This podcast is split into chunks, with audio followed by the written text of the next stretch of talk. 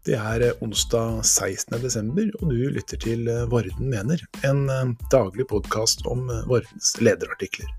Jeg heter Tom Erik Thorsen. Mandag ettermiddag vedtok formannskapet i Skien en såkalt lokal forskrift om forebygging av koronasmitte i Skien kommune. Dette skjedde som en konsekvens av det økende smittetrykket i Skien den siste tida. Punkt to i forskriften er relativt utvetydig. Munnbind skal brukes i situasjoner hvor det ikke er mulig å holde én meter avstand på offentlige kommunikasjonsmidler, herunder taxi og i butikker eller kjøpesentra. Bare noen timer etter vedtok formannskapet i Porsgrunn at eh, munnbind skal brukes i alle offentlige rom innendørs og på offentlige kommunikasjonsmidler, herunder taxi og i butikker og kjøpesentra.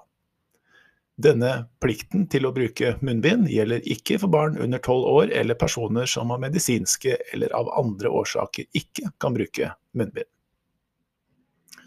På kvelden mandag sier Skien-ordfører Hedda Foss Vive til Thea at uh, intensjonen har hele tiden vært at det skal være obligatorisk å bruke munnbind på butikken, i kjøpesenteret, på bussen og i taxi.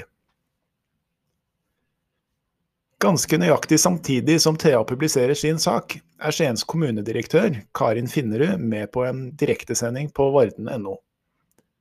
Derfor hun spørsmål om det ikke hadde vært enklere å si at man skal bruke munnbind på buss, kjøpesenter og butikk. Det er viktigst å holde avstand, eh, og man må passe på det først. Når man ikke kan det, så anbefaler vi munnbind. Det er det vi har landa på, svarte Finnerud. Tirsdag ligger det en sak på Skien kommunes hjemmesider der det påpekes at eh, mange er usikre på hvordan munnbindpåbudet skal praktiseres, og de finner det riktig å korrigere og tydeliggjøre.